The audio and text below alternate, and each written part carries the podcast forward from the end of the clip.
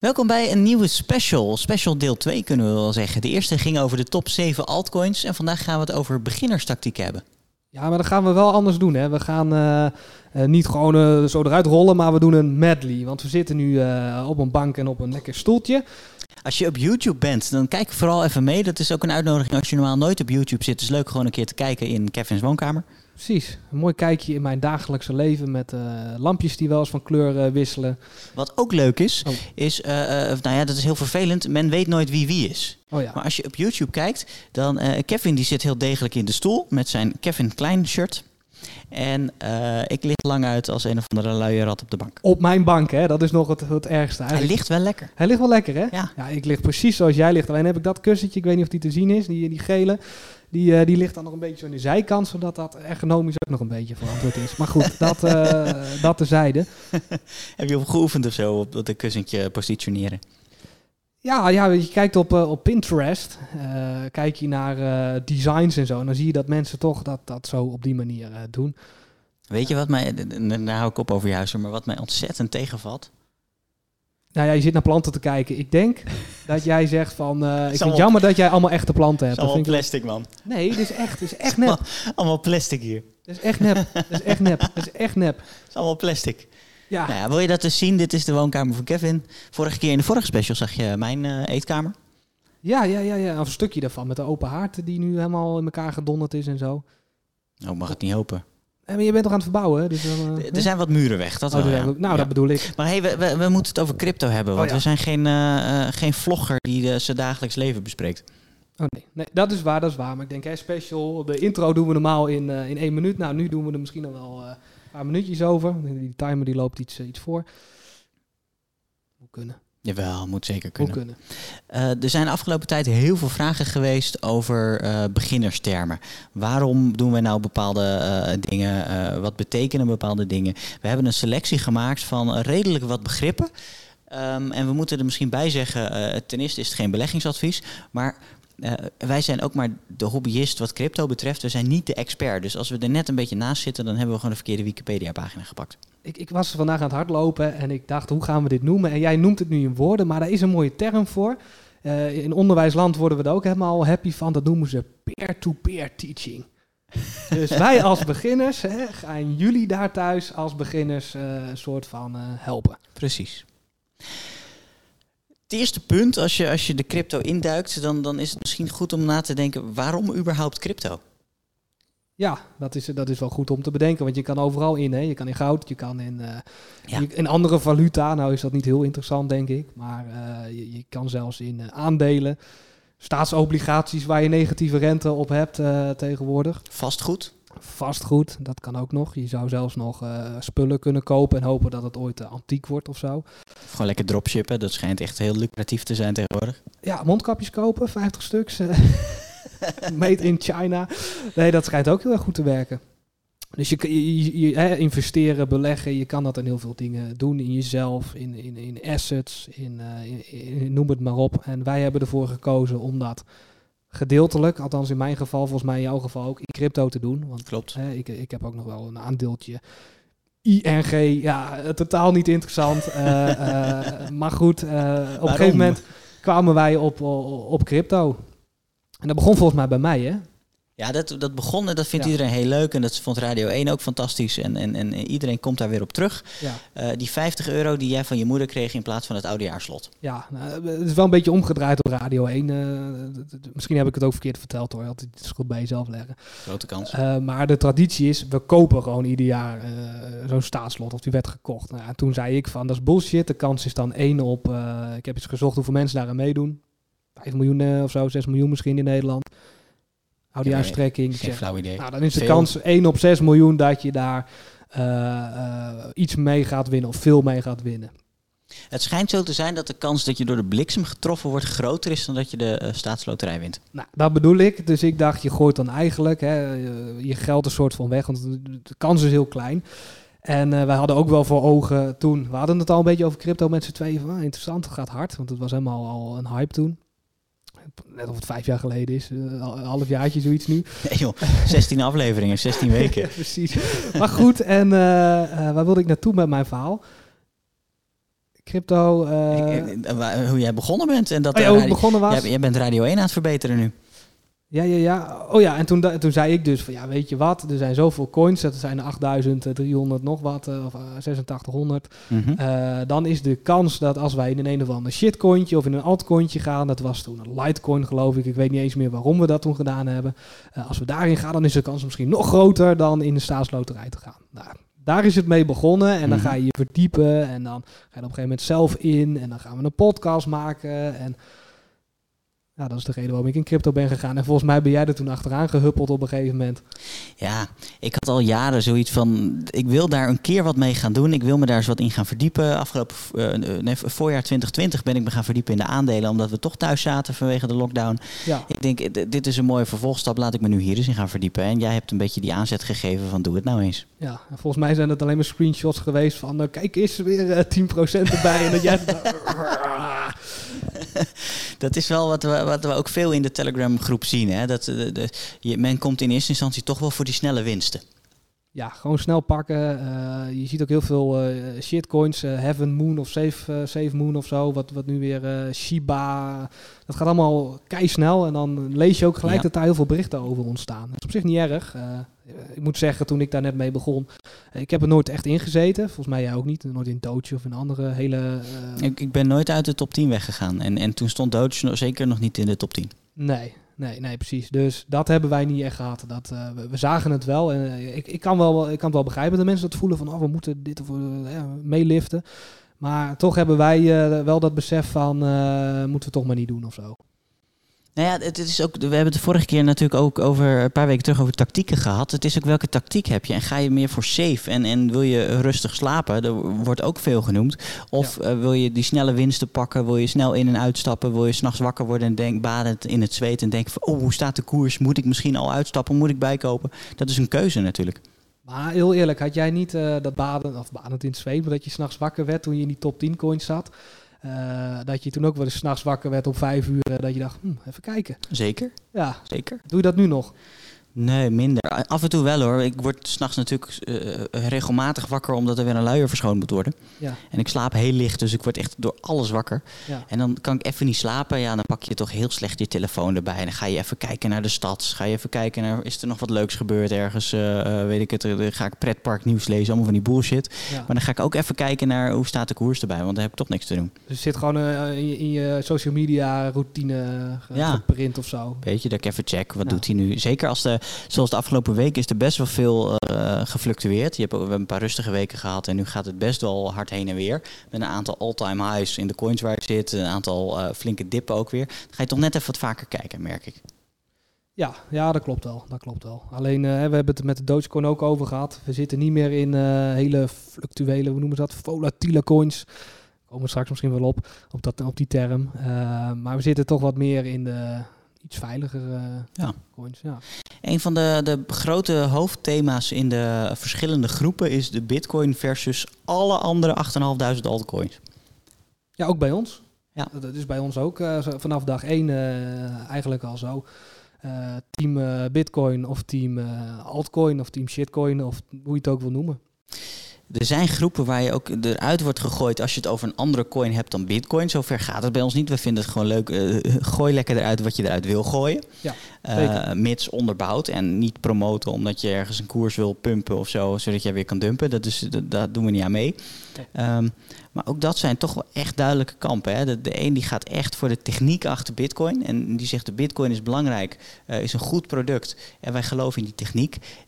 En, en er zit een hele grote groep in, eh, zonder waardeoordeel, die zegt nee, wij gaan voor het geld. Ja. En er valt gewoon veel te verdienen in de altcoins.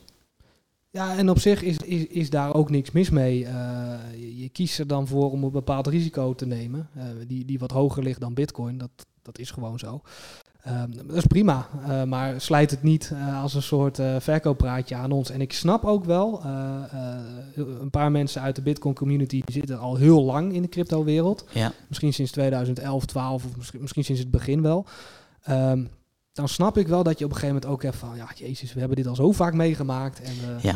Eh, we hebben al zoveel van die, van die slijtcoins gezien... dat je daar wat fanatieker op wordt. Kijk, wij zijn vrij tolerant en wij vinden alles wel leuk... en we, we lezen alles, we vinden het interessant. Ook waarom mensen bepaalde keuzes maken. Uh, maar ja, als jij er al zo lang in ziet en zit en je, je, je bent overtuigd van bitcoin en je bent niet overtuigd van die andere dingen en je hoort constant dat gezeik over die andere coins, ja, dan word je daar moe van. En uh, dat kan ik best wel snappen. Ja. Een van de belangrijke dingen die je al noemt is, is wij lezen dingen, wij verdiepen ons. Um, uh, in, de voorbereiding schreef je op Don't Trust, Verify. Ja, nou, dat is toch wel een, een Bitcoin eh, community uh, regeltje is dat. Um, ons geld is, is fiat geld. Dat is volgens mij ook wel een term die goed om te benoemen is. Fiat geld, dat is kort gezegd, dat wordt niet ge gebackupt door iets. Dat kan goud zijn, dat kan zilver zijn, dat kan kiezelstenen zijn. Hè? Het maakt niet uit wat het is. Het is niet gebackupt bij iets. Um, dus wat, wat, dat, uh, wat dat zinnetje zegt, don't trust, uh, verify. Uh, heb geen vertrouwen in iets, maar verifieer iets. En dat is wat, wat een aantal cryptomunten dus doen. Bitcoin is daar een groot voorbeeld van. Met het, dat iedereen van elkaar kan checken of, of de, de formule zeg maar nog klopt. De blockchain. Uh, je kan het verifyen, waar, waar, waar, je bij Trust constant bankiers moet vertrouwen, constant de ECB, eh, de Amerikaanse banken, onze Rabobank en zo, maar moet vertrouwen dat, dat er niet ontzettend veel geld gecreëerd wordt en dat onze 50 euro 50 euro um, aan koopkracht blijft. Dat, daar stap je vanaf. Je gaat naar Verify. 1 en 1 blijft 2. En als ik hem nou nog, nog breder trek, hè, los van het, het verifiëren van zo'n munt in de techniek. Ja. Um, dat is misschien wel een van de allerbelangrijkste tips die je meegeeft aan iemand die net start, wat mij betreft. Ga niet af op wat anderen zeggen, maar doe zelf ook die verificatie. Als iemand zegt uh, uh, een bepaalde coin, nou afgelopen week was Doge enorm in het nieuws. Doge gaat omhoog, die moet je nu kopen. Ja, dan doe je dat niet.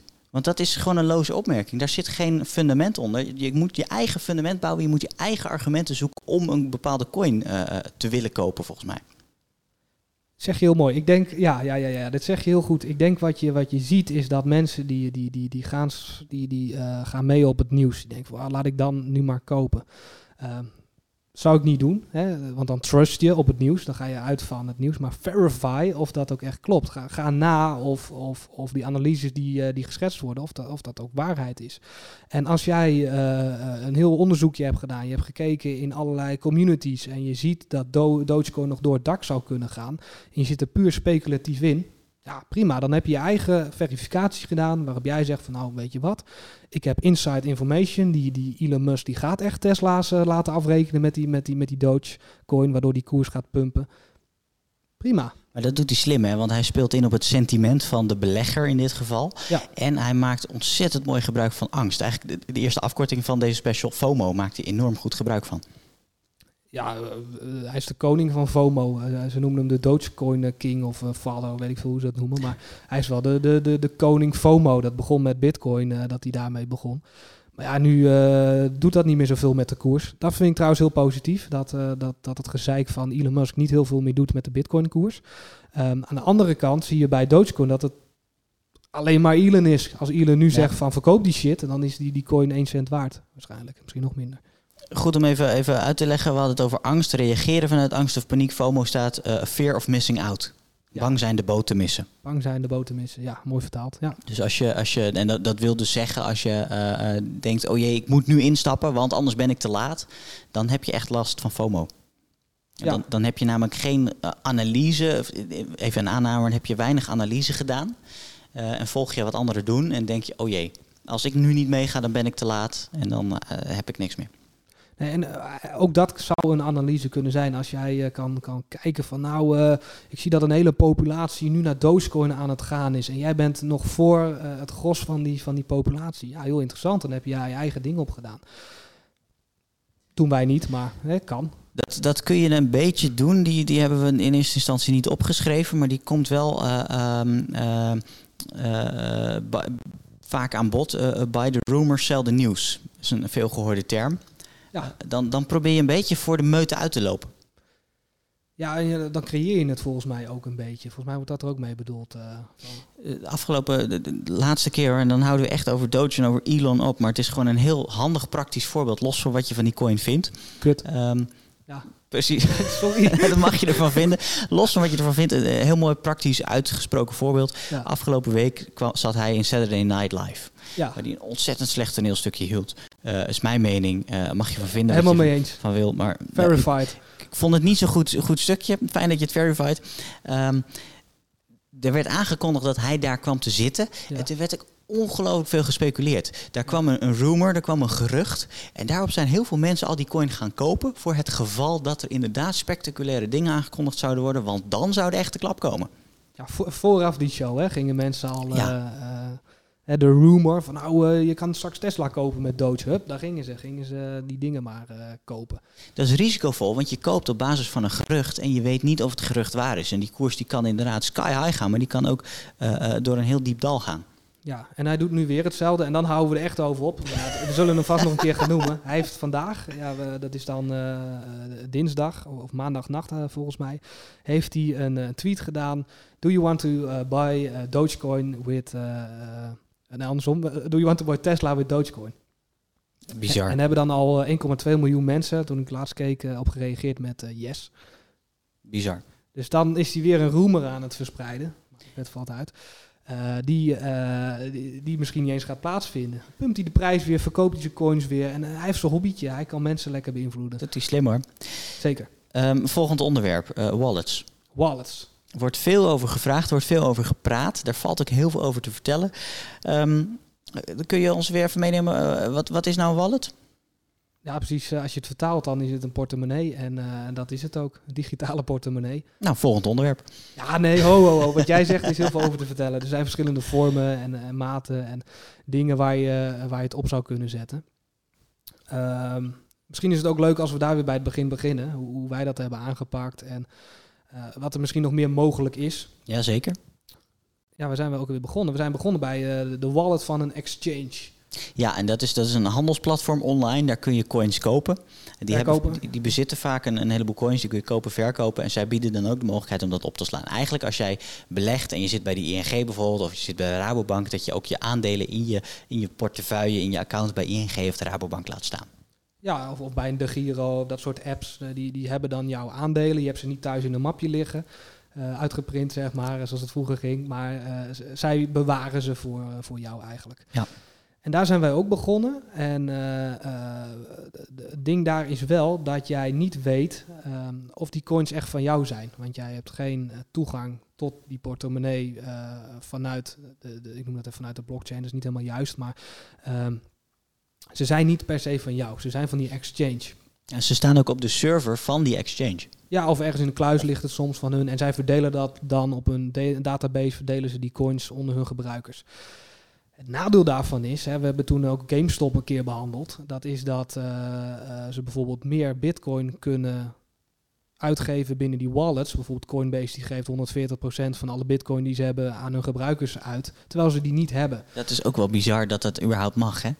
Ja, of dat mag, dat denk ik niet eens. Maar ja, Robin Hood, die, die, die, die eikels, die hebben dat wel gedaan met GameStop. En, ja. en daardoor is, is die koers toen gesqueezed. Nou, dat zou ook met, met bitcoin misschien wel gebeuren. Of met een andere coin. Um, en, en toen uh, wij daarachter kwamen, het is ook onze reis, toen dachten wij, ja, dat vertrouwen we niet. Toen zijn we gegaan naar een...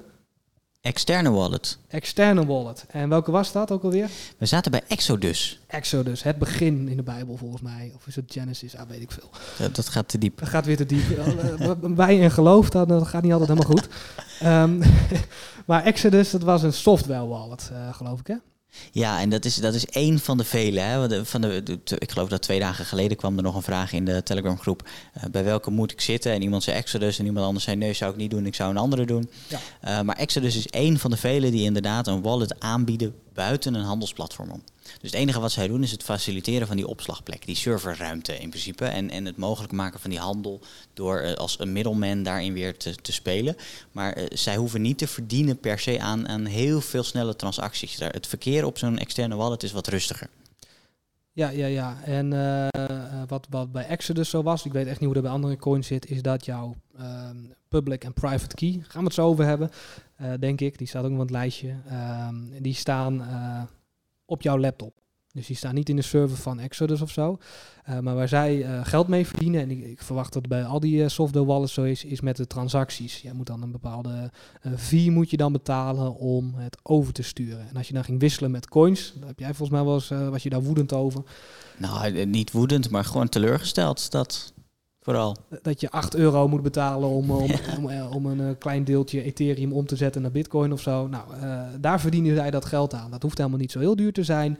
Maar dat, daar zit het verdienmodel in. En dat is prima, want ze leveren je een bepaalde, bepaalde service. Zo is het. Heel mooie overzichtelijke apps op je computer, op je telefoon, op je tablet. Je kan het overal zien. Ehm, eh, en zij, zij zorgen ervoor dat dat werkt. Ja, en, het- en het werkt op zich prima. Het enige risico. Eh, en daar, nu gaan we volgens mij onze wegen een beetje scheiden. Want jij zit nog steeds in Exodus of, een, of, of zoiets. Of zit je in een broker? Waar zit je nu eigenlijk? Ik durf het niet zo goed te zeggen. Ik zit weer redelijk. Ik zit deels op, eh, op een externe, deels op een interne. Wa- Wat is die externe dan?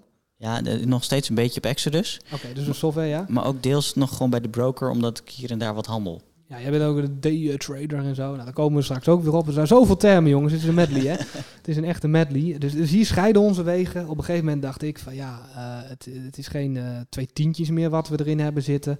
Ehm, ik wil meer veiligheid. En eh, meer veiligheid krijg je in een hardware wallet. Dat is een soort USB-sticky. Ja, ik, ik, ik heb hem hier wel ergens liggen, maar voordat ik dat gevonden heb, dan is de podcast alweer voorbij. Raak dat ding nou niet kwijt, jongen. Dat is al zo vaak gebeurd. Ja, hij is Er zijn, er zijn complete vuilnisbelten omgeploegd om, om weer harde schijven te vinden waar nog bitcoin op stond.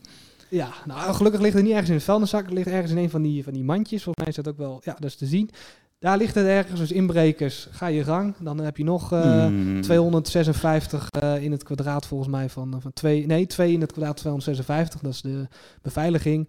Heel technisch verhaal om, om mijn code te kraken. Gaat je niet lukken. Ehm, maar ik heb dus een hardware wallet. Dus een USB-stickje kan je in je computer eh, drukken. En eh, ja, ook, ook heb je een virus op je computer, dat kan dat ding dan niet uitlezen. Want het is niet verbonden met internet, geloof ik. En eh, allemaal van dat soort dingen. Het schijnt veilig te zijn. Daarom heb ik het. Zo'n zo'n eh, eh, externe wallet is, is voordelig, want die raak je minder snel kwijt in een, in een kastje, want die staat gewoon op je laptop. Maar Zeker. nadelig is omdat je als je laptop gehackt wordt dan, en je hebt automatisch opslaan in wachtwoorden zitten of vingerafdrukherkenning en iemand snijdt je vinger af, dan, dan kunnen ze wel in je wallet. Ja, dat nog niet eens. Ik, ik heb zitten graven in, eh, in de, de, de, de core bestanden van Exodus, eh, Ja. in die mappen. En dan heb je gewoon ergens een mapje private key en dan staat daar je private key in. Oh, zo- makkelijk het is is echt heel simpel. Oké. Het staat misschien nog op mijn laptop. Ja, er zit nu eh, een paar Ripple in, want je moet minimum aantal Ripple hebben. kan er weer niet uit inderdaad. kan er weer niet uit. Nou, that's it. Dat is alles wat er nog in staat. Dat kan je gewoon eruit graven. En Oh, joh. toen dacht ik, ja, weet je wat, gewoon een hardware wallet. Stuk veiliger. Nadeel is, je kan het ding kwijtraken. kan. Ehm, en als je, als je niet alleen bitcoin wil, maar je wil ook een heleboel andere coins, op een gegeven moment is dat ding vol. Ja, dat is, ja, klopt. Eh, maar ook weer niet, want je kan die apps kan je er gewoon afhalen en er weer opnieuw opzetten.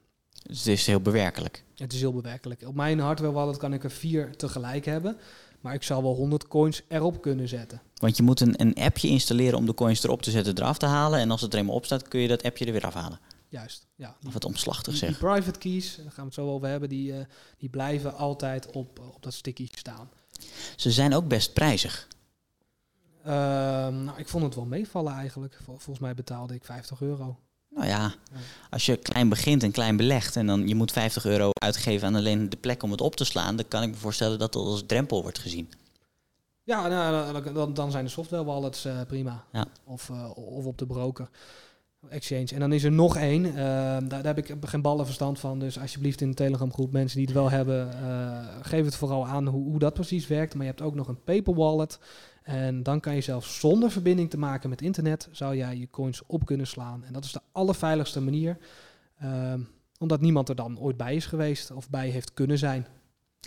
Is het, eh, eh, correct me if I'm wrong, maar eh, als je een eigen node hebt draaien, kun je die ook als wallet gebruiken? Zou kunnen. Geen idee.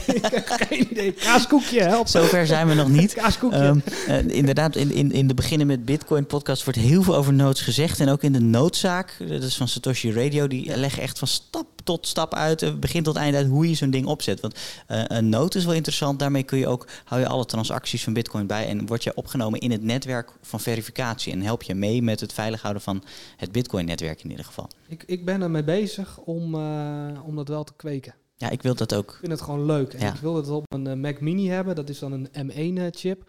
Nou, daar doet hij het nog niet op op een, een of andere manier. Maar ja, er zal aan gewerkt worden. Ehm, maar je kan het ook op een Raspberry eh, Pi-achtig iets doen. Nou, als ik een keer voor een paar tientjes zo'n Raspberry Pi kan kopen. Dat is wel leuk om een Wel keer te doen. Het crypto kwartiertje nood. Of noemen ze dat? Mining pool, weet ik veel. Maar goed, eh, daar verdiepen we ons dan weer in. hebben we weer een aflevering of een special.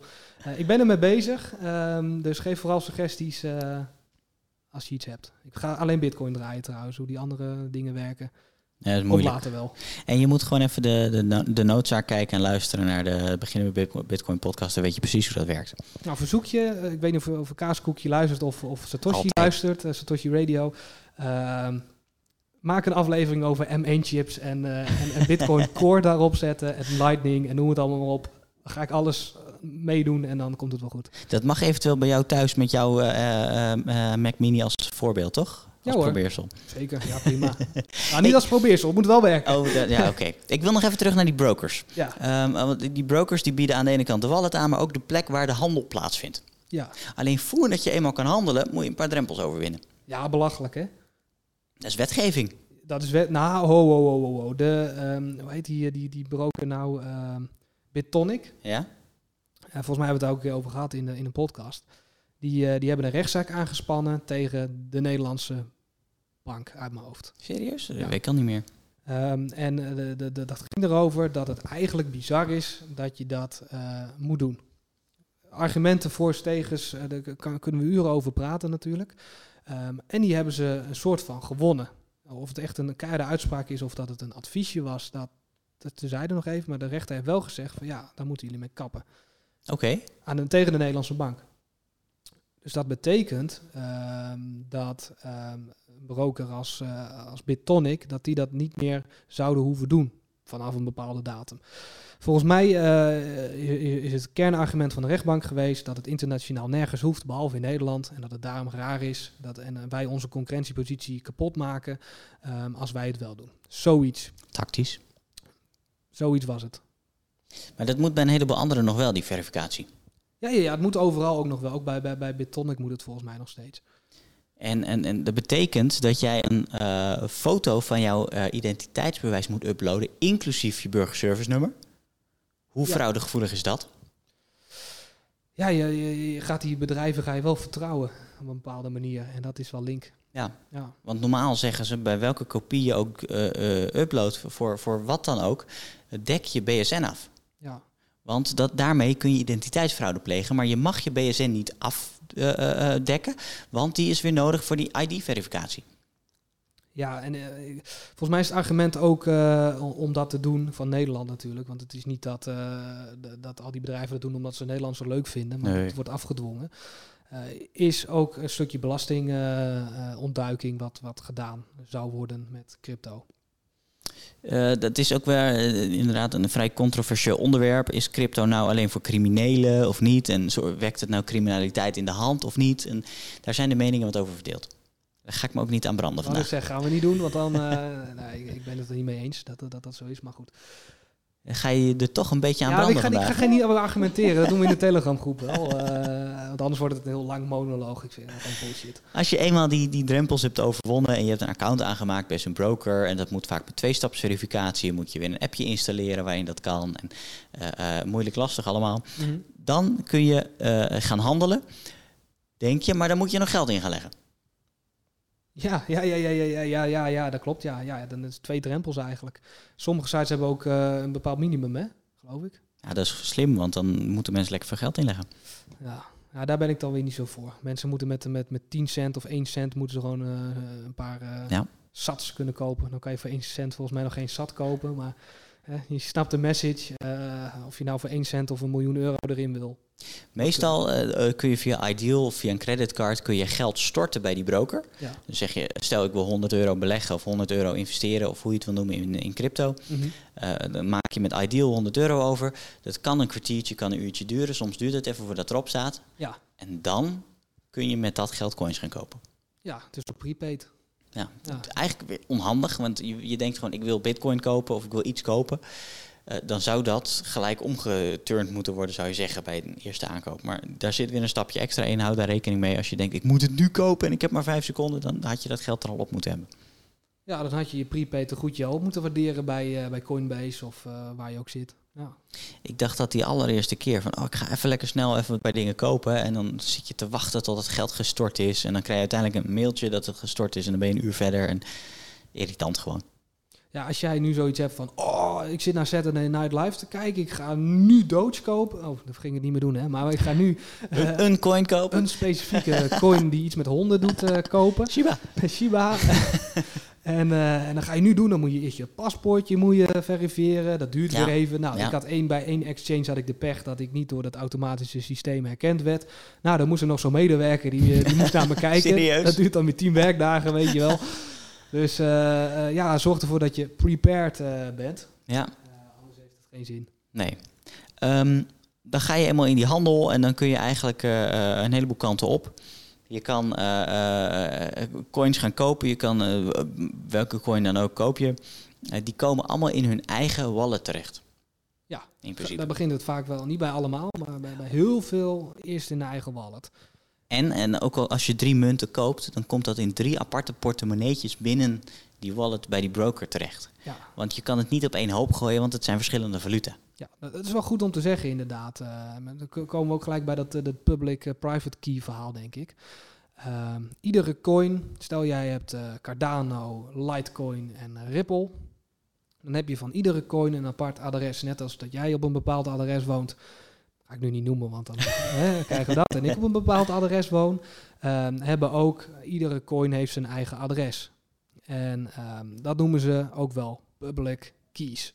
En het woordje public zegt het al. Hij is publiekelijk, geen geheim. Die kan je met iedereen delen, want dan kunnen ze coins naar jou overmaken. Dat is op zich gunstig. Maar het is niet zo dat wanneer je bij drie verschillende thuisbezorgde restaurants eh, bestelt, dat ze dat hier bij jouw huis komen brengen. Nee, de ene maaltijd die wordt hier gebracht, de volgende maaltijd bij jouw buren en de andere maaltijd aan de andere kant van de stad. Want het zijn eigenlijk wel aparte adressen. Ja, ja, ja misschien was mijn vergelijking met adressen niet heel goed. Ik jouw thuisbezorgd vergelijking Ik beter. begin ook honger te krijgen inmiddels. Ja, we gaan straks gaan we eh, XXL kapsalon van de beste kapsalon tent hier in de regio eh, halen. Ik ben zeer benieuwd. Ja, ik, ik prijs het je al jaren aan eh, inmiddels. Dus eh, Ja, het is echt. Laten we doorgaan. Hoe eer- eerder we klaar zijn, hoe eerder we die kapsalon kunnen bestellen. Precies, nu er doorheen. Nee, eh, pu- pu- public, eh, public keys natuurlijk. Eh, dus eh, publiekelijk, iedereen mag dat ook zien, geen geheim. Ehm, dan heb je een tweede, dat is een private key. En het woord zegt het al, private. Dus deel die met niemand, want anders kunnen ze jouw coins jatten. Ehm, maar ook iedere coin heeft weer zijn eigen private key. Dus eh, in het voorbeeld van, eh, van mijn, eh, mijn hardware wallet, daar heb ik een private key voor Bitcoin, een private key voor Cardano en een private key voor Ethereum bijvoorbeeld. Ja. Die eh, openen de sleutel, zo noem ik het even, of die hebben de sleutel en die openen het sleutelgat van jouw public eh, adresje om daar toegang te krijgen tot jouw coins. Dat zijn eh, eigenlijk een soort pincodes. Per pasje een code. Ja, en dat is bij per coin weer op verschillende manieren eh ge- ge-encrypt, zoals dat heet. Heb laatst heb ik iets gekeken over Bitcoin en ik was gelijk om. Dat ik dacht van, dat heeft dan SHA-256 verificatie, heet dat heel duur.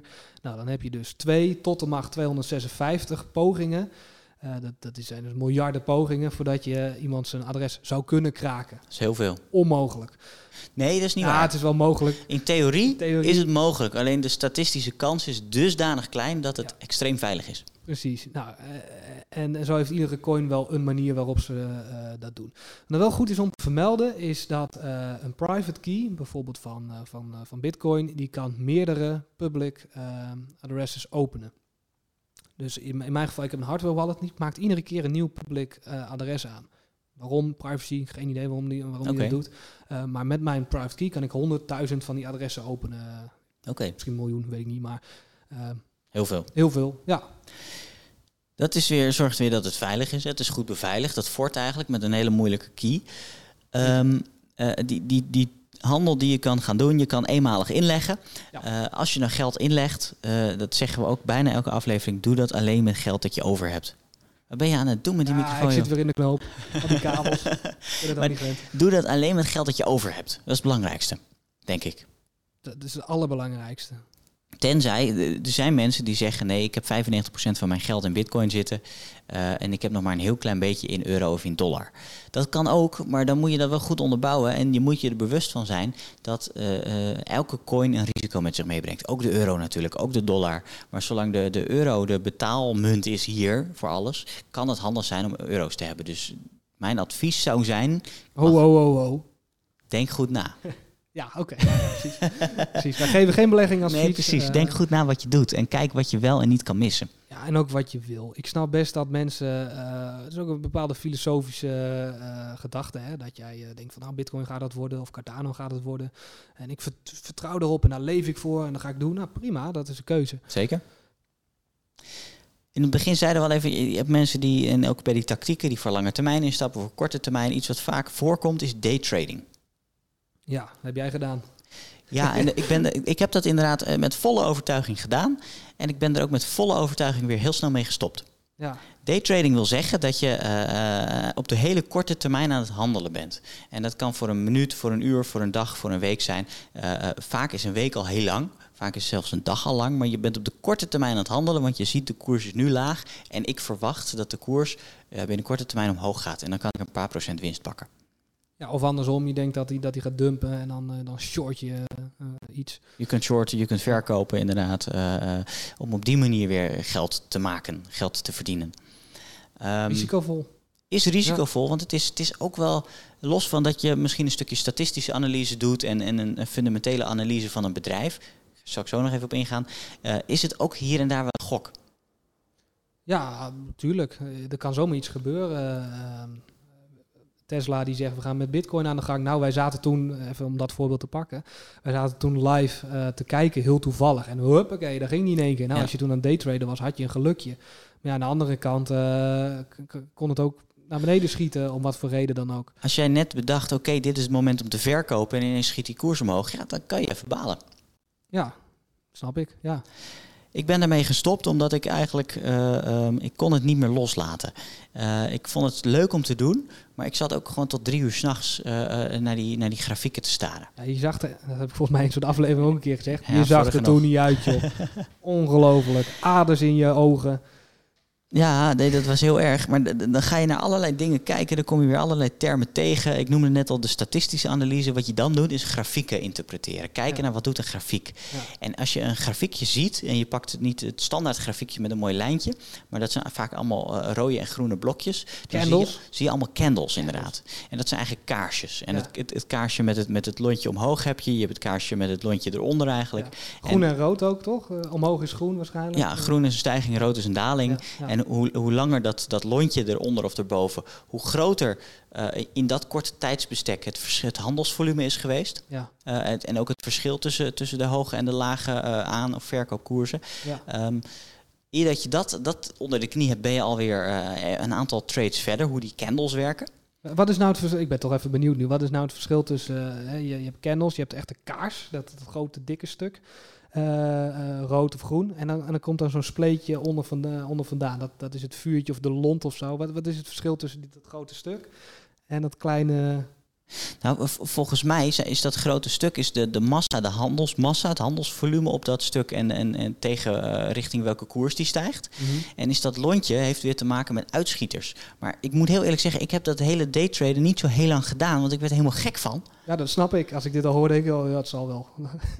Die, die, die, candles kun je volgen en dan, dan Ja. moet je bepaalde, eh, moet, je, moet je kijken hoe, hoe, hoe zien ze eruit, hoe, hoe gaat dat met eh, dat lontje, hangt die erboven, hangt die eronder. Als die eronder hangt, zeggen ze, is het ook wel een hangend mannetje, dan is het ellende, dan gaat die koers eh, weer, weer, weer zakken. Ja. Maar hangt, die, hangt dat lontje, de, wat zei ik, hangt die erboven. Dus heb je het dikke stuk onder, het dunne stukje boven, dan is het een hangend mannetje, die heeft zichzelf niet helemaal op de goede manier verwerkt. ja. Dan moet je eh, verkopen, zeggen ze, als dat op een bepaald moment gebeurt, niet op elk moment. Nee. En hangt dat dunne stukje er weer onder, dan heb je een soort hamer. En dan moet je juist, eh, dan gaat het goed, dan gaat die koers omhoog. Dus dan zou je weer kunnen kopen. En dat zijn omslagpunten. Maar eer dat je juist omslagpunt te pakken hebt, ben je weer een heleboel parameters verder.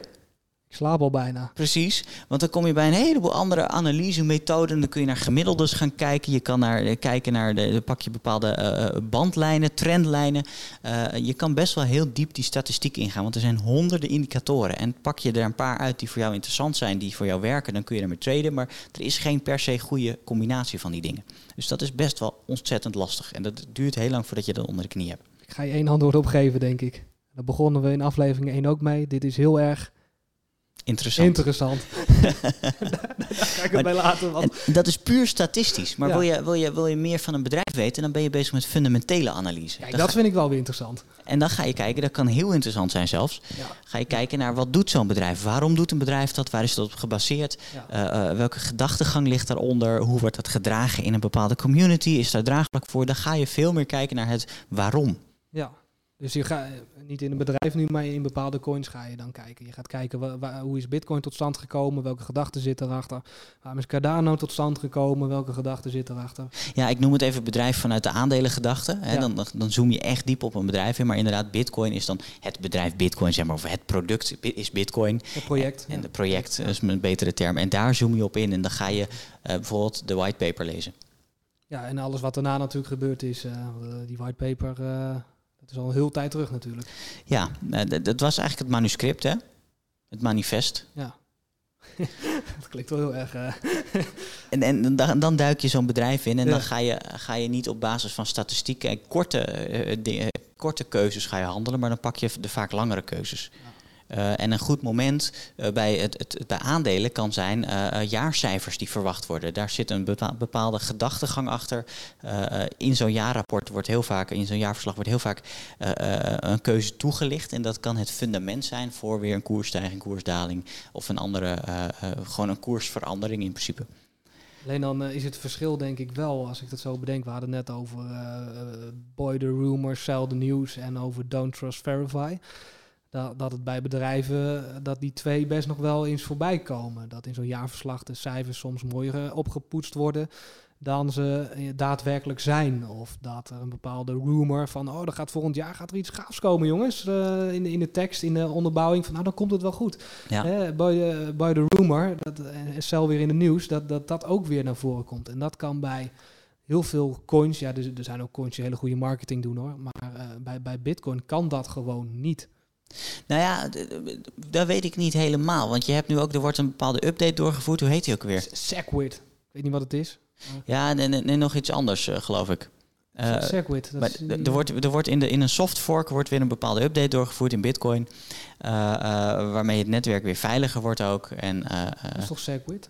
Wat, wat, wat nu een beetje uh, met watchpunt, huppelepup. Ja, dat, die, die watch inderdaad. Ja, dat is toch Segwit? Ik dacht dat het anders heette. Maakt verder ook niet zoveel uit, want het is een, een, voorbeeld van nu. En over een paar maanden heb je misschien weer een ander voorbeeld. Misschien zeg ik het ook fout hoor. Um, maar ook dat kan een stukje by the rumor, sell the news zijn. Want een update zit er aan te komen. En afgelopen week was in Ethereum uh, in het netwerk werd een bepaalde update klaargezet en volgens mij doorgevoerd. En als zo'n update eraan zit te komen, doet dat iets uh, in, in, met, met ook de stabiliteit van het netwerk of de, of de betrouwbaarheid van een coin. En dan krijg je dus uh, dat don't trust verify. We kunnen allemaal zien wat die update doet. Ja. En dan word je niet meer voorgelogen door, uh, of ja, niet ieder bedrijf li uh, liegt mensen voor of zo, hoor, maar um, dan word je niet meer mooi gemaakt met bepaalde praatjes, maar je kan zelf kijken naar die update of mensen die jij vertrouwt, uh, die wel verstand hebben van coderen, kijk, ik weet het niet, maar en, en, je hoort van, van, van software developers, ja, dit, zit, dit, dit, dit, dit, dit maakt sens en we gaan dit accepteren dan, uh, dan ben je aan het verify. En dan ben je niet meer puur aan het vertrouwen op, op mooie blauwe ogen van een bedrijf. Precies. Um, en, en dat kan dus weer uh, effect hebben op bepaalde, bepaalde koersen, bepaalde handel. En daarop kun je ook bepaalde keuzes maken om misschien extra in te leggen of weer wat uit te stappen. Ja, ja, ja. ja. en, en dat is allemaal afhankelijk van je strategie. Als je zegt nee, ik hou het gewoon voor de lange termijn en ik zie het wel, dan, dan maken dat soort keuzes voor jou niet uit. Maar op het moment dat je wel op dat soort keuzes inspeelt, dan ben je met kortere termijn denken bezig. Ja, en ik denk, uh, want jij noemde net Ethereum. Ik, ik, weet niet of dat de, de doorslag is geweest al, maar die, die is echt aan het groeien echt, uh, de laatste weken. Misschien wel keer twee al. In, eh, we hebben nu de koers Ja. niet voor ons, maar best wel keer twee, denk ik bijna. Of misschien keer anderhalf. Kijk, en eh, eh, bij Bitcoin valt dat nog wel mee met, met SegWit, als het echt zo heet. Ik denk het wel hoor, maar ik bijna te twijfelen nu. Ehm, iets, iets is heel anders. Een hele andere term die we heel veel voorbij horen komen als het gaat om eh, wel of niet verkopen is hold. Hoddel. Ja, hoddel, Hoddel. eigenlijk. Hoddel. Hoddel. Ja. Ja, wat moeten we dan uitleggen? Gewoon vasthouden. Vasthouden. Hou die coins vast. Blijf met je vingers van die celknop af. eh, eh, omdat je niet in paniek moet raken. Dat is eigenlijk wat het zegt. Ehm, waarom is het hoddel? Ja, ik, ik kan een heel. nu ga ik hem invullen hoor. Ik, ik, ik- dat komt denk ik vanuit de internetcultuur waar we memes hebben. Eh, en daar is Hoddle ooit een, een, een meme geweest. Nog steeds. Vandaar. Misschien dat iemand zich ooit versproken heeft en dat, dat, dat sindsdien Hoddle gebruikt wordt. Ja, Het is, eh, ik dacht, de allereerste keer dat ik dat zag, dacht ik echt dat het een typfout was. Ja, dat, dat dacht ik ook. Ik ben helemaal met je eens. Ik, ik had dat ook niet zo meegekregen, maar eh, in, in, in de crypto-wereld zegt iedereen Hoddle. En ik, ik denk dat dat. Ja, nu gaan we een, een, een meme eh, een beetje opensnijden. Dat, dat misschien ooit iemand zich versproken heeft. Ik bedoel, eh We Need the Great Reset. Dat is ook zo'n zo'n meme. of eh, ja, Typfoutje of zo. dat is geen ja, dat zou, zou een typfout moeten zijn, die, die Great Reset. Maar dat, dat is het helaas niet. Hoddle. we vliegen ook wel hak op de tak. Duurde even voordat hij binnenkwam ook. en een andere veelgemaakte opmerking is Ja. to the moon. En die vind ik heel dubbel. To the moon, dat zei eh, Elon Musk Oh, wat natuurlijk. vreselijk. Wat wat cringy was dat. We zouden het niet meer daarover hebben. Oh ja, dat zei die enge man uit, eh, met, die- met die elektrische auto's. En, eh, To the moon betekent dat jij verwacht, of misschien dat je meer hoopt, dat die koers door het dak gaat en enorm stijgt. ja, ja ik, ik, vind, ik moet heel eerlijk zeggen, ik vind het ook wel lekker weggebekken. Dat je Ja. zegt van het crypto kwartiertje toen wij stegen, hup, de raketje erachter, weet je wel, to the moon. Maar als je hem vertaalt naar het Nederlands, naar de maan, Ja, dat is niet zo dat is positief. heel Dat negatief. is heel negatief. Dat is ja. gewoon naar de knoppen.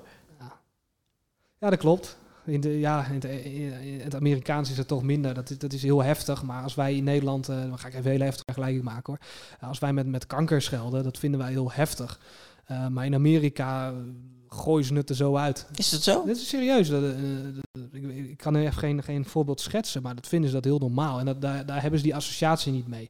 Terwijl daar fuck you. ehm, ja, ik hoop niet dat Spotify nu denkt van eh, dit kan echt niet. Misschien moet je dit zo eh, gewoon even Ja, wegpiepen. dat is, is context, hè? In context waarin ik beschrijf. Dat vinden zij wel wat erger. Of, of, of het N-woord eh, vinden zij heel erg. Eh, ja, wij beginnen daar ook wel wat, wat strenger op te worden. Nou ja, dat is dit weer zo'n interpretatie van naar de maan in het Nederlands is heel wat anders dan eh, to the moon in het Amerikaans. Ik- Ik vind het wel een, een vergezochte vergelijking. Ja, Maar nee, maar ik, wil me even goed inkoppen van hoe, hoe, hoe, Ja. hoe, hoe we dingen anders kunnen interpreteren. Dat is puur wat ik wil maken en daar maak ik hem wat heftig. Ik kon even niet snel ook wat anders verzinnen hoor. Het is dat ik me daar heel vaak aan erger. Ik zit in gamingculturen natuurlijk en dan hoor ik Amerikanen eh, cancer dit en cancer dat. En denk van, gaat dat echt zo? eh ja, het is niet, niet, niet cancer dit of cancer dat, maar dan... dan, dan- this en that in het Amerikaans, maar... Ja, dat dan niet, this en that, dat ook niet. In een bepaalde... con- Ik kan het ook even zo niet bedenken hoor. Maar dan, eh, puntje, puntje, is cancer een bepaalde eh, groep of een bepaalde game? Of dit. Zo, zo benoemen ze het dan. En dat, dat is prima daar. Oké. Ehm, maar ik heb daar wel zo'n gesprek over gehad in het Engels met een Amerikaan via de Xbox. Ehm Ik vind het altijd heel moeilijk, omdat... vinden, ze, eh, vinden ze heel normaal. En ik, ik, ik heb zoiets eh, dat ik denk van, ja, jeetje, dat, Ja. dat geldt je toch niet mee? nee, dat gaat Eh, wel ver. dat gaat ver. En, en, eh, maar dat is een hele andere interpretatie. Als, als ik tegen een Amerikaan fuck you zou zeggen, dat- dat, dat kwam dus uit een gesprek, dan hebben zij zoiets van, doe even normaal. Bijzonder, terwijl wij dat... We doen het, nou ja, wij, redelijk beschaafd opgevoed, maar we doen het in het algemeen in Nederland wel sneller.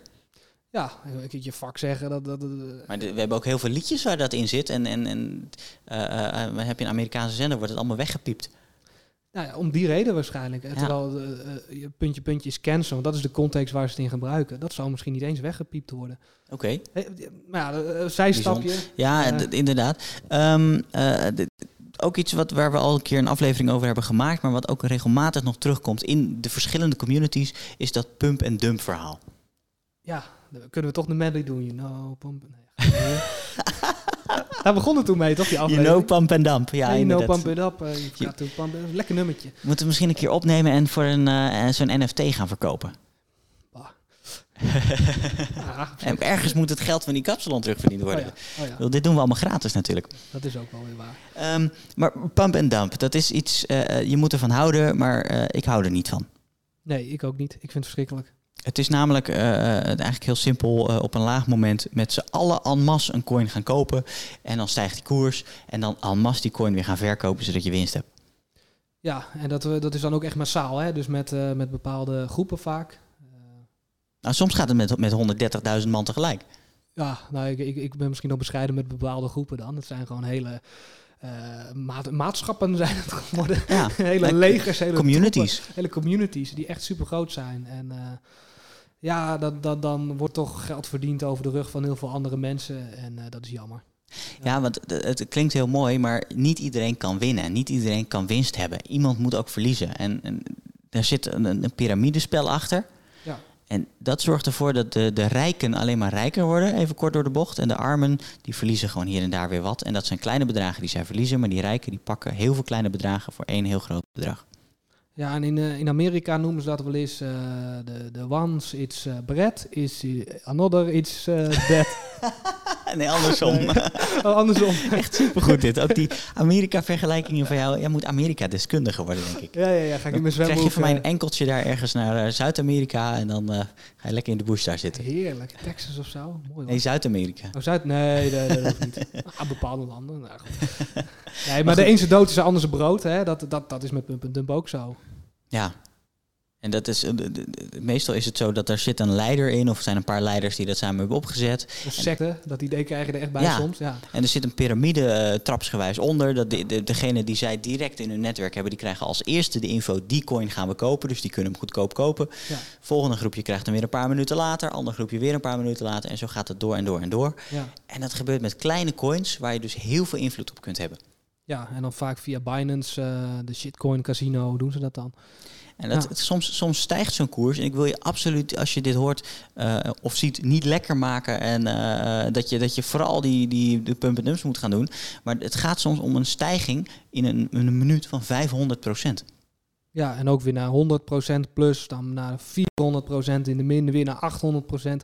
We hebben daar een keer gezeten. Nou, ik, ik ben een keer op een kermis geweest waar al die kermisattracties bloep deden, weet je wel, met die lampjes en zo.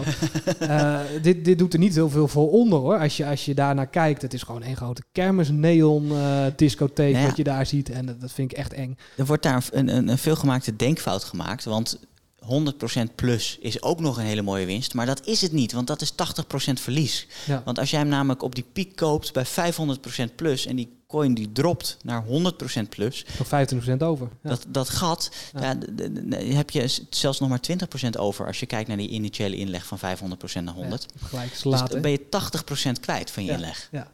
En Gelukkig is dat niet alles, maar die 80% die wordt gepakt door degene die hem op het goede mo- moment verkoopt. Ja. Ja, ik denk eh, nog steeds dat alleen die, die inner circle daar ontzettend rijk mee wordt. Die kopen die coins eh, natuurlijk massaal in, misschien wel met miljoenen per keer, omdat ze zoveel geld hebben. Ja. Ehm, en, en, en dan wachten ze een weekje of, of een paar dagen en dan eh, staat die koers lekker, lekker laag. En dan zeggen ze, nou jongens, dit wordt hem, ga je gang. En dan stellen ze gewoon iets in op plus 1000 procent, want dat wordt toch wel gehaald, lekker veilig. En dan verkopen ze die shit en dan loggen ze uit en dan een weekje later doen ze weer hetzelfde. En dan hebben ze goed, goed geld verdiend. Goed geld verdiend, over de rug van de anderen. Ehm, vervelend piramidespel. Nog erger dan Tupperware. Ja, kijk, Tupperware vind ik nog wel leuk. Daar zie je eh, huisvrouwen staan dan eh, dingen te Wordt, verkopen. gebeurt niet meer in Nederland, hè? Oh nee. Daar hebben we het toen over gehad. Hè? Tupperware is einde oefening. Ja. Eh, eh, maar ook dat was een beetje piramidespel. Want de- degene bovenaan die pakte van iedereen daaronder fee. Weet je wat nog veel ergere piramidespellen zijn? Nou? Dat, dat zijn die van Herbalife, ken je dat? Oh ja. Dan kan je ja, ja, sporten en zo. En dan, eh, ik heb daar wel eens, eh, ging zo'n bootcampje. Ik denk, leuk, bootcampen, stevig eh, workouts doen. En dan kwam je ergens en dan had je een best wel goede training. En dan kom je uiteindelijk kom je dan bij iemand in de achtertuin weer terug. En dan zeg je bedankt. Ho ho, nee hoor, ik heb nog een couponnetje. Want je moet nu eh, Herbalife of hoe heet die, die, die crap, moet je dan kopen. En dan denk ik van, oh jee, nee hè. Dat zijn ook, eh, eigenlijk zijn dat ook, nee, het zijn niet per se pump en dumps, maar piramidespellen. Maar het onderdeel van eh, een Ja. pump en dump. Ehm, ik zit even te kijken waar, waar wat zijn nog leuke dingen om te bespreken in de podcast. We zijn drie kwartier onderweg geloof ik, bijna v- nou, 50 minuten al, ruim 50 minuten. Zoiets, ja. Ehm, Die NFT's, ja, daar hebben we het al even over gehad, geloof ik, hè? In een, in een eerdere aflevering. Ja, de non-fungible tokens, uh, inderdaad. Uh, vrij nieuw. Kunnen we even kort bij stilstaan natuurlijk. Aflevering 12, als je het iets langer terug wil horen. Maar ga je gang. In een minuut. Snel. Nee, uh, het begon met die, uh, met die kleine beestjes. Hè. We hebben toen nog gekeken of we dat konden nadoen. Crypto Kitties. Crypto Kitties. Ik heb een account aangemaakt en toen bleek dat ik nog van alles moest doen. En toen dacht ik, laat maar. Dus ik heb er nooit meer wat mee gedaan. Nou maar zitten. Maar ja, het, ge het geeft een soort eigendomsrecht online, kort gezegd. Ik heb er geen en ik, ik, ik, voel er ook niks voor. Maar nou ja, misschien moeten wij voor, dus, toch dat liedje uit gaan brengen. Ja, ga jij zingen. En dan verkopen we dat liedje aan iemand. En dan is één iemand de eigenaar van dat liedje. Ja. Ik ga wat drummen, ga jij lekker zingen. Zoiets. nee, ja, ik zal erover nadenken vannacht. Als ik weer wakker lig. Oké, oké. Okay, en ik ben niet meer aan het daytraden, hè? Nee, nee, nee. Um, wat is nog een, een goede om te bespreken? Nou ja, we, we, ja uh, crypto en alt hebben we al even besproken. Crypto is de algemene term. Bitcoin of alt bedoel je? Uh, Bitcoin, of alt. Uh, de, de alts zijn crypto's. Bitcoin is een crypto. alts is eigenlijk alles behalve Bitcoin. Ja, simpel. Een alternatieve coin, daar staat het voor. En onder altcoins hebben, dan, hebben wij persoonlijk dan weer een verdeling. Shit en... Oh, kan wel. Maar shit is wel een mening. En sommigen vinden dat alles behalve bitcoin shit is. Anderen vinden dat alles buiten de top 10 shit is. Uh, er zijn zelfs mensen die bitcoin en shitcoin vinden. Kan ook. Die zijn er ook nog, die gekken. Zie ook nog wel heel veel in de... Uh, dat klinkt, nee, dat klinkt heel populistisch. Maar de mainstream media... die hebben soms nog wat moeite met adoptie van, van crypto. Ja, ja. Dat, ja. dat komt langzaam, maar dat heeft even wat tijd nodig. Ja, nou, we hebben begin gemaakt, denk ik, met Radio 1. Ik vind het heel wat dat we daar uh, belicht zijn. Hartstikke tof. Zeker. Leuk, man. Zeker. Op naar de volgende. Op naar de volgende. Um, uh, even kijken, wat hebben we dan nog meer? De, de transfer fees, die hebben we heel kort al even genoemd, maar misschien goed om nog even uit te lichten. Bij ja, elke transactie die je doet, raak je een stukje van je kapitaaltje kwijt. Ja, en dat, uh, ik ga gewoon weer Bitcoin pakken als voorbeeld. Uh, de, de moeten mensen moeten ook uh, het netwerk veilig houden. En er staat een beloning tegenover. En die doen dat door te minen. Heel duur gezegd. Daar moeten we misschien maar een keer special over maken als ik die nood heb. Dan ga ik proberen om een Bitcoin. Dan gaat me nooit lukken. Maar de road to 1 Bitcoin. Um, en, en, die moeten daarvoor beloond worden. Dus iedereen die stuurt een stukje Bitcoin mee ja. in zijn transactie. Ja, en je levert een heel klein stukje in. En bij Bitcoin gaat het om een paar euro. Uh, in, in, als je het uh, converteert naar, naar eurowaarde, volgens mij, wat, wat één transactie, dat noem je in het, uh, in het netwerk je kost. Ja. Dus in het, in het primaire netwerk. En dat is ook omdat er maar eens in de gemiddeld 10 minuten een transactie plaatsvindt. Ja, ja zoiets zou het zijn. En Lightning, dat is dan weer een zijstapje, dan kan het weer wat sneller en zo. Dus peer-to-peer, -peer, meer. Dan, dan kun je tegen veel kleinere vergoedingen, tegen een paar satoshis, kun je een transactie doen. Uh, omdat dat kost ook minder. Uh, want zo'n enorm datacenter dat aan het minen is, dat verwerkt die transacties eigenlijk. Ja. En uh, heel technisch verhaal daarachter, dat is op andere kanalen terug te luisteren. Zo diep gaan wij er niet in. Maar zij zorgen ervoor dat dat gemined wordt. Het levert ze momenteel 6,5 bitcoin per blok op. Dat is veel geld. Nou, als je dat omrekent inderdaad tegen een koers van 50.000 euro. Bijna drie ton. Ja. ja. meer dan drie ton zelfs. Uh, hij zit iets lager tegenwoordig. De bitcoin is bijna 3 ton. Uh, maar dat is ook wel nodig. Want die, die machines die staan heel lang te draaien. Het duurt heel lang totdat jij uh, eigenlijk de, de, de, de, de juiste code hebt gegenereerd. Want het is een soort random code generator die erachter zit. En als je de juiste code hebt, dan krijg je dat blok. Ja. kort door de bocht. Ja. dus dat je dat blok hebt, dat gebeurt niet zo heel vaak. En er zit zo'n gigantisch serverpark achter dat zo belachelijk veel stroom kost. Dat je die je, je hebt die opbrengst ook wel nodig om je kosten terug te verdienen. En Ja. natuurlijk, het is nog steeds winstgevend, dus je houdt er ook wat geld aan over. Het zal het ook altijd blijven, want het, het past zich aan naarmate het netwerk zich ontwikkelt. En, eh, dus het is een heel slim systeem is dat. Ja. Kijk vooral dan de andere podcast die wij in het begin noemden, want eh, daar gaan wij niet eh, zo diep op in. Hè? Nee, precies. Maar het kost je soms een paar euro om een transactie op het Bitcoin-netwerk te doen. En zelfs bij, zeker bij bijvoorbeeld eh, eh, Ethereum is dat volgens mij, kost het je echt gewoon veel geld. Dat is een duur netwerk. Ja, die is echt eh, duur. Ik weet niet of dat met 2.0, eh, ik heb nog geen transactie gedaan, eh, dat 2.0 het misschien goedkoper maakt. Eh, maar de schaalbaarheid van Ethereum, dat noemden wij, dat is ook echt een probleem. In onze vorige special noemden we dat. Ja, en dat zorgt voor hele hoge gas, noemen ze het daar, geloof Ja, ik. de, de gas Ik fee. maakte toen een fout dat dat bij, bij Bitcoin zo zou zijn. Dat, dat heet bij Bitcoin weer anders. Gas, hè? Ja, volgens mij. Oké. Ja. Nou, dan ik. zeggen we het samen, dan zeg we dat niks, jij zei het bij deze. Oh ja, ja, ja precies. Maar goed, dus elke transactie kost geld. En dat, Ja. dat het is ook nog zo, je betaalt aan het netwerk. Ja. Maar als jij handelt via een broker, pakt dus die broker, die handelaar, ook weer wat fee. Sommigen wel, ja, ja, ja zeker. Nou ja, de, de, de, de, filantropist die dat niet doet, die dat alleen maar doet om de wereld beter te maken, die heb ik nog niet gezien. Ik betaal gewoon netjes een stukje fee als ik een transactie doe. Ja, nou het verschil zit er dan in dat, eh, dat uh, jij betaalt een paar procentjes, uh, maar een andere broker die, die heeft een groot verschil in de aan- en verkoopkoersen van een bepaalde coin. Dus per saldo verdienen ze natuurlijk altijd wel. Stel, een bitcoin kost 40.000 euro op dit moment. Ja. Dan kan het zo zijn dat jij daar uh, bij een bepaalde handelaar een bitcoin mag, één bitcoin mag kopen voor 41.000 euro. Zij zeggen dan, oké, okay, die bitcoin die kost op de markt 40.000. Bij ons koop je hem voor 41.000. Wil je hem verkopen, geven wij er 39.000 voor terug. Zoiets, ja. En die marge, die pakken zij ook. Ja. En, en dat is wat ik bedoel, dat, Dat is eigenlijk dat stukje fee wat je betaalt nog bij een broker. Ja. Dus hou daar rekening mee. Niet oneindig veel transacties overmaken dat je denkt, het is leuk pingpongen met die transacties. Want je, dat kost je gewoon telkens een beetje fee. Ja, de zonde. Ja, dus Ja. als, je, als je dat doet, kijk goed, eh, heb ik de juiste transactie, heb ik het juiste adres, Eh, moet ik niet straks nog drie transacties doen? Want dat, op die manier zou je wat geld kunnen besparen. Heel veel, zelfs al die kleine beetjes. eh, ook al doe je het via Lightning, al die kleine beetjes helpen natuurlijk. En daarom sta jij elke week bij de, bij de aanbiedingen van de bonusfolder. Daarom, vooraan staat die kruipend de supermarkt door. Op de knietjes, huppakee. Dus die is nog wel goed om even te, te onthouden, denk ik.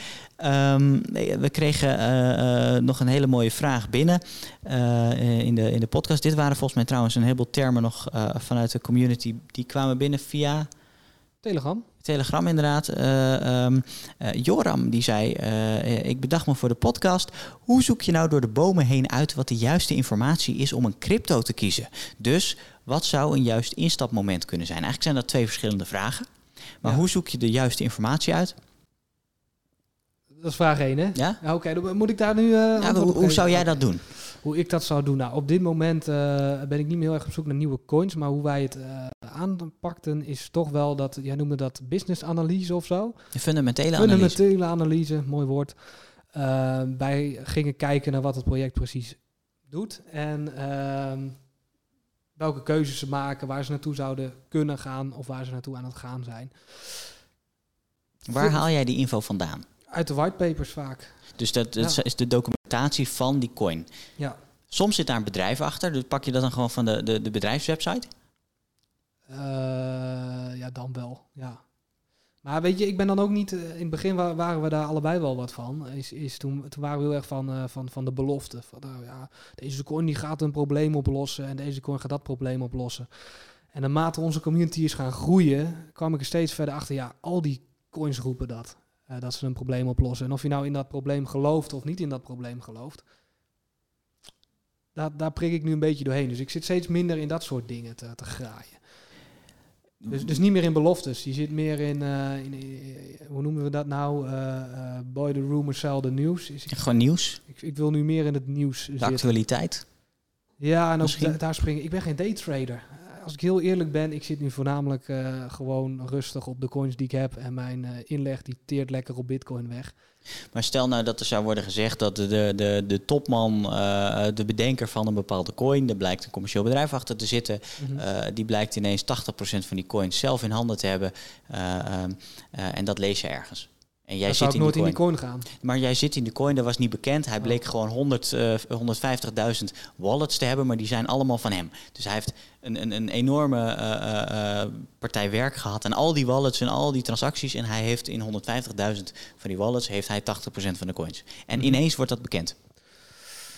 Ja, lastig. Dan, eh, dan ga je nog steeds naar een beetje naar die koers eh, kijken. Eh, als zo'n coin gebaseerd is op vertrouwen, dan zou ik zeggen, ik ga eruit, want ik vertrouw het niet meer. En dan pak ik nog mijn verlies die er te pakken is, want ik denk dat de hele massa dan uitstapt. En dan hoop ik dat ik vooraan die massa zit. Ja, Dus daar zit wel een stukje actualiteit in, een stukje nieuws. Wat komt er voorbij misschien op, eh, op, op verschillende eh, eh, crypto-nieuws sites, maar ook wel de financiële sites. Ja, en daar pak je een soort van mengelmoesje van. Ik heb zo'n app, ja, ik wil hem best promoten, want het is eh, totaal niet interessant. Staat op de nummertje 400 in, op iOS of zo. Blockfolio heet dat. Eh, en, en die pakken een soort RSS-feed van allerlei verschillende internationale eh, kranten, websites, tech, analistische, alles zit erin. En uh, daar komen gewoon artikelen van, van crypto-munten voorbij. Dat lees ik nog wel eens, omdat, omdat dat wel interessant is. En, voor, vooral internationaal, dat vind ik dan wel een goede toevoeging, omdat Nederland altijd zo ontzettend traag is. Dat als er uh, wat gebeurt met Bitcoin, dan lees je dat gelijk op, een, op een Amerikaanse site. Maar vier dagen later is het een keer in het nieuws uh, op RTL. Dus moet eerst vertaald worden, eerst vertaald uh, per worden. schip vervoerd, uh, dat soort dingen. Um, ja. Het is wel geen waardeoordeel, maar het is, een, het is een vraag die behoorlijk geënt is op korte handel. Want je hoeft niet per se heel veel nieuws te volgen als jij vertrouwen hebt in een coin waar je voor lange termijn in zit. Nee, ja, nee, als je puur speculatief uh, erin zou zitten, stel ik heb 100% in, in bitcoin zitten, dan hoef ik totaal niks te weten uh, van het nieuws. Als je denkt, nou, ik wil daar gewoon mijn portefeuille verdubbelen in 10 jaar tijd. Doe je ding. Uh, dan hoef je het ook echt niet te volgen. Maar kijk, bij ons is het ook wat, wat anders. Wij zitten er ook vanuit onze interesse in. Ik, ik lees best veel van, van allerlei verschillende coins ja, dan, uh, dan, ga, dan ga je daar je, je keuzes op maken. Dus ik heb ja. niet echt een stappenplan ik weet, eh, paraat voor, uh, voor, voor Joran, geloof ik. Ja, je, Joran. trouwe Telegram-baas. Lastige vraag. Ja. lees je vooral goed in. En wat zou een juist instapmoment kunnen zijn? Ja, die vraag kan ik eigenlijk niet beantwoorden. Dat verschilt zo ontzettend per coin. Uh, uh, afhankelijk van jouw doel, wat wil je? Wil je uh, nu instappen voor de lange termijn? Dan maakt het geen moer uit wanneer je instapt. Wil je korte handel doen, dan moet je analyses gaan doen als je een daytrader bent. Um, een juiste instapmoment is eigenlijk niet aan te wijzen. Als ik het juiste instapmoment wist... Was je miljonair? Dan had ik, had ik al lang ergens ver op een tropisch eiland gezeten. Had ik dat eiland gekocht. Ik had laatst zo'n theezakje van... welk advies zou jij jezelf, je jongeren zelf geven of zo? Dat vond ik echt zo'n leuk theezakje. En toen dacht ik van ja, in 2009 of 2010 gewoon bitcoin kopen, weet je wel. Gewoon volledig uh, 1000 euro erin en, uh, en gaan uh, met die banaan. Ja, tuurlijk, juist een moment dat weet niemand. Kijk, ik, ik vind dat wel intelligent advies aan een jong iemand die geen reet verstand heeft van bitcoin en crypto. Ik zou mezelf bijvoorbeeld, als aan mijn jongeren ik het advies geven, doe die deur nou gewoon aan de klink open, anders zitten je klauwen er weer tussen lekker interessant. Die blauwe duim die wordt echt wel weer uh, normaal. Ik, ik, dacht echt, ik, ik ga altijd aan geld denken en, en vrijheid. Hè. Dat is wat, waar Bitcoin ook naar streeft, naar, naar vrijheid. Nou, toen dacht ik, weet je, we gaan gewoon die Bitcoin uh, dan kopen. En dan ga ik uh, mijn vrijheid krijgen. Maar als jij vrijheid wil, waarom heb je dan een Suzuki? Armand, ken je Armand? fantastische zanger is inmiddels uh, wijlen uh, Armand is van ben ik te min en zo. Ja, die, ja, ja. die zong Vrijheid is een volgetankte Mercedes. Meer heb je niet nodig. Is dat niet uh, iemand anders? Nee, volgens mij was hij dat. En als, het, als het iemand anders is, dan... tonnen tonnen van, van Big City en zo? Nee, dan knippen we het eruit. Als dat zo is. Dat was Armand. Zeker weten? Ja, echt. Oké, okay, nou, prima. Die staat wel ergens in een top 2000 playlist van mij, volgens mij. Maar ja, prima, maakt ook niet uit. Um, instapmomenten zijn lastig. Als we dat wisten, dan konden we voorspellen en dan waren we allemaal rijk geweest. We gaan een politiek correct antwoord geven. Joran, het beste moment is uh, net aan het einde van een bearish uh, markt. Oftewel dat we aan de onderkant hangen. Um, dat is het beste moment om in te stappen, want dan gaan we weer omhoog. Die hebben we nog niet gehad, bullish en bearish. Oh, niet? Stierig nee. en, uh, wat is bearish? Dat is berig. Berig, stierig en berig. Stierig en berig. ik ben vaak vrij, uh, vrij stierig. Want ik ben... ja, ja, dat, Dit is een heel raar gesprek Heel raar gesprek ineens.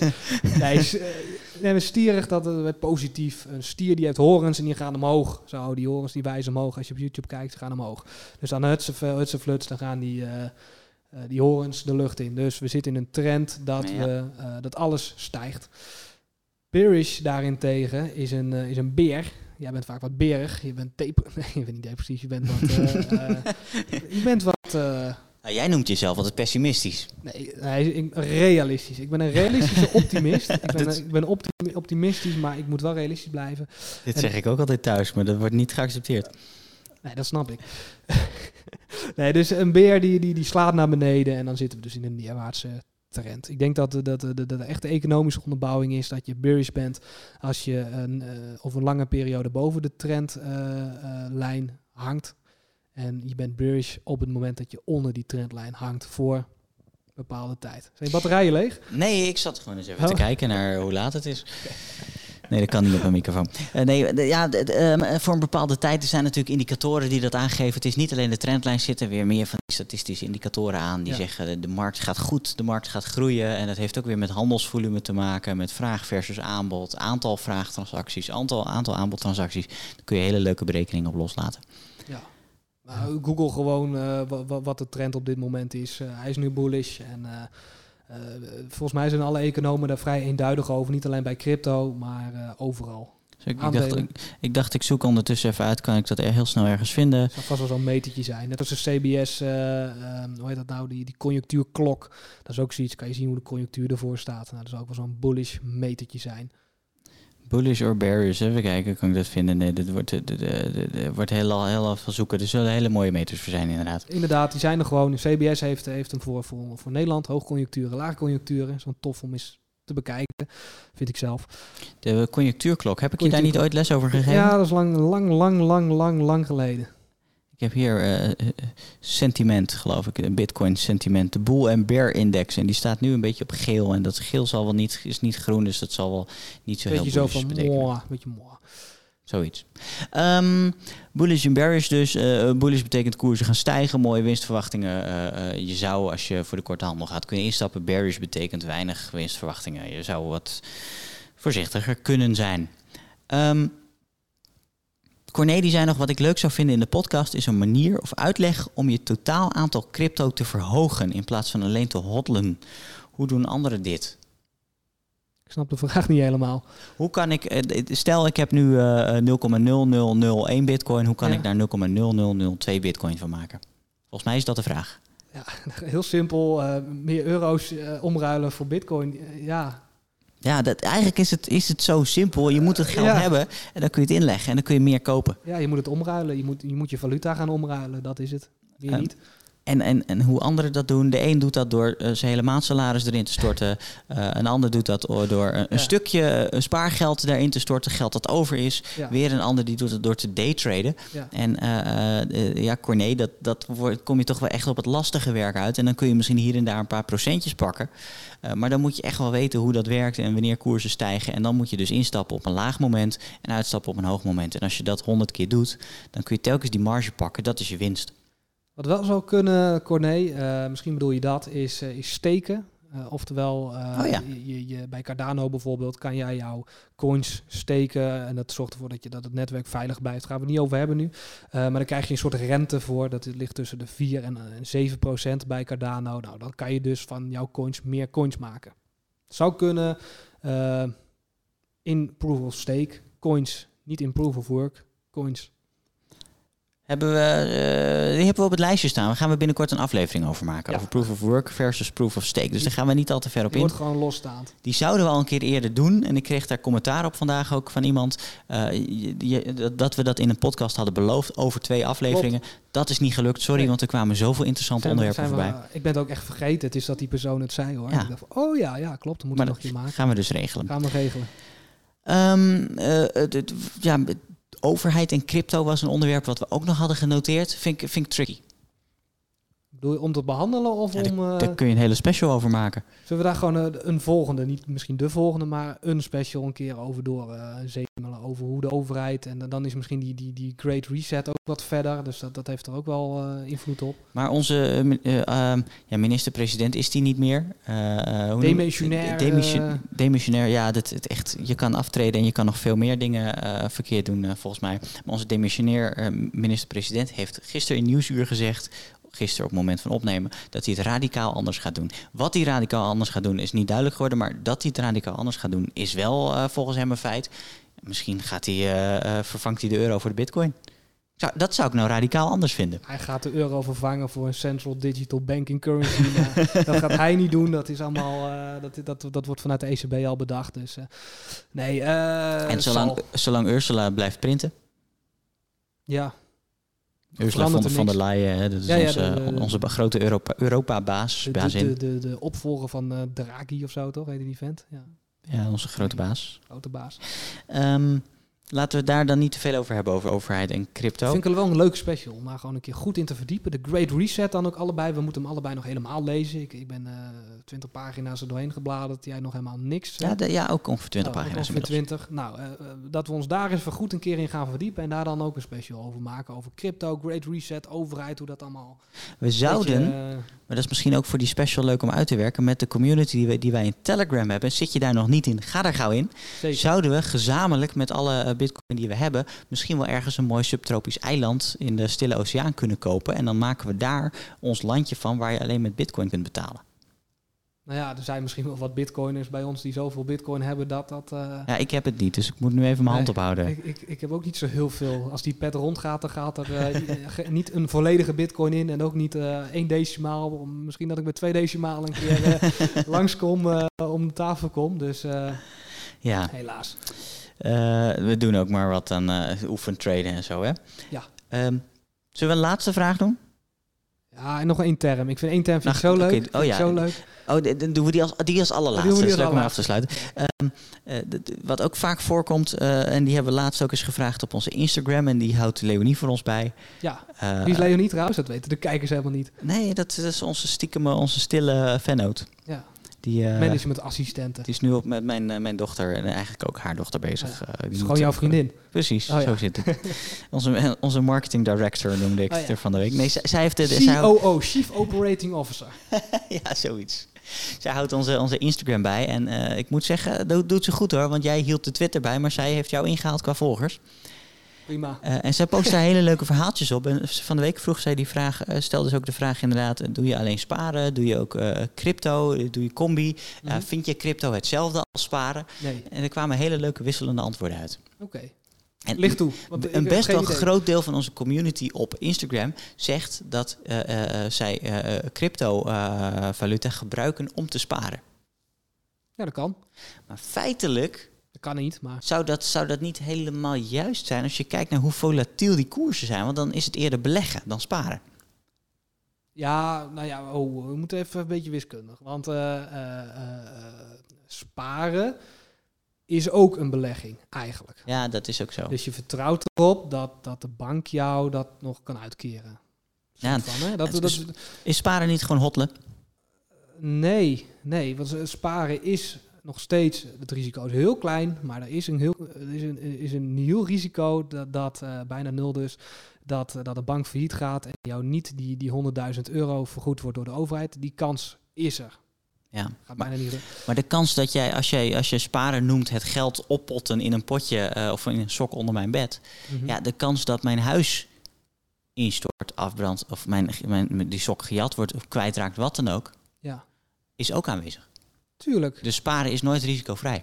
De nee, kans dus dus dat het ik- blijft een belegging. Stel, ik heb een ton onder mijn matras liggen. Is niet zo, dus ga ook alsjeblieft niet in mijn huis kijken of die ton daar ligt. wel- Is wel zo. Is wel zo. Ehm, maar stel, stel dat is zo. ja. ehm, dat is hartstikke mooi. Daar kun je nu ontzettend veel van kopen. Maar als ik dat daar 100 jaar laat liggen, is die ton misschien niks meer waard.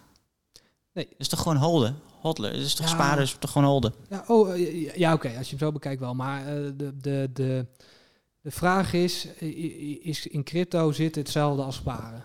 Ja, misschien is dat wel. Misschien is het eigenlijk wel zo. Want als jij één bitcoin hebt, Ja. dan heb jij over duizend jaar nog steeds één bitcoin. ja, alleen de waarde wat dan, eh, waar je het voor omruilt is, is gestegen. De Maar dat is je voor- koopkracht stijgt, dat doe je, daar doe je het voor. Ja, of je koopkracht daalt, hè? dat kan ook. Dat kan ook, dat is in het geval van de euro zo. Ja, dat Nou ja, maar, nee, maar je doet nu de aanname dat over duizend jaar de bitcoin meer waard is dan nu. Maar dat hoeft natuurlijk niet zo Nee. te zijn. dat hoeft niet. Als Nee. we over duizend jaar geen internet meer hebben, heb je een probleem. Eh, Daar heb je een heel groot probleem. Dan kun je niks met je bitcoin. nee. En als je een klompje goud hebt en dat wordt weer de valuta, dan zou je daar wel weer wat mee kunnen. Dus volgens mij is, is sparen is gewoon holden en crypto houden. Zou je ook, als je het voor de lange termijn doet, gewoon sparen kunnen noemen. Dus als jij zegt, hè, sparen is gelijk aan beleggen, want dat- is, eh, dat is zo, want er zit een risico aan. Eh, Nee, dat zeg ik niet. Crypto zit is ook beleggen, dus dan eh, is het, zou het kunnen dat het hetzelfde, de- met er zit- meer risico Het is niet helemaal hetzelfde, maar er zit overlap in. En, en in een aandeel is, is niet per se. eh, ik vind een aandeel vind ik lastiger om te zeggen dat is sparen. Dat is je vertrouwen is geven in een bedrijf. Ja, dat is beleggen inderdaad. En kaas op je brood doen is ook beleggen. Heerlijk. Is een mening. Maar ehm, eh, eh, geld vasthouden is sparen. Hè. Bewaren voor later. In principe is sparen is het geld bewaren voor het geval je iets nodig hebt. Omdat er iets kapot gaat. Of omdat je je baan kwijt bent. Of omdat je wat leuks wil Er gaan zijn er doen. best wel definities aan sparen. Hè, zoals Ja. zo. Oké, nou als je het zo zegt, eh, voor iets voor later, dan zie ik het best wel. Als, zie ik, als jij, maar dan niet in allerlei rare shitcoins, maar als jij in gewoon bitcoin gaat, zie ik dat echt wel als een hele goede manier, als een vervanger voor goud, waar je eigenlijk ook in kan sparen en niet per se in belegt. Vind ik dat een hele slimme keuze. Alleen het meningsverschil zit hem erin. Feitelijk is je, je geld bewaren voor later is volgens mij sparen. Dus als je in welke valuta je dat ook doet, of dat de Japanse yen is of de, eh, Bitcoin. de, de, de euro, of inderdaad een cryptovaluta. Ja. Eh, dat is gewoon bewaren voor later. En eh, één bitcoin is over duizend jaar waarschijnlijk nog steeds één bitcoin. En even een aanname, eh, eh, eh, Een 100, euro ook. ho- ho- 100 Ethereum is over, over 10 jaar nog steeds 100 Ethereum. 100 euro is nog steeds 100 euro. Alleen wat je kan kopen van die hoeveelheid bitcoin, Ethereum, euro of wat dan ook, die verandert. En juist omdat eh, eh, eh, sparen, de, de, de eurokoers is redelijk stabiel. Mhm. Af en toe wordt een pakje boter 10 cent duurder.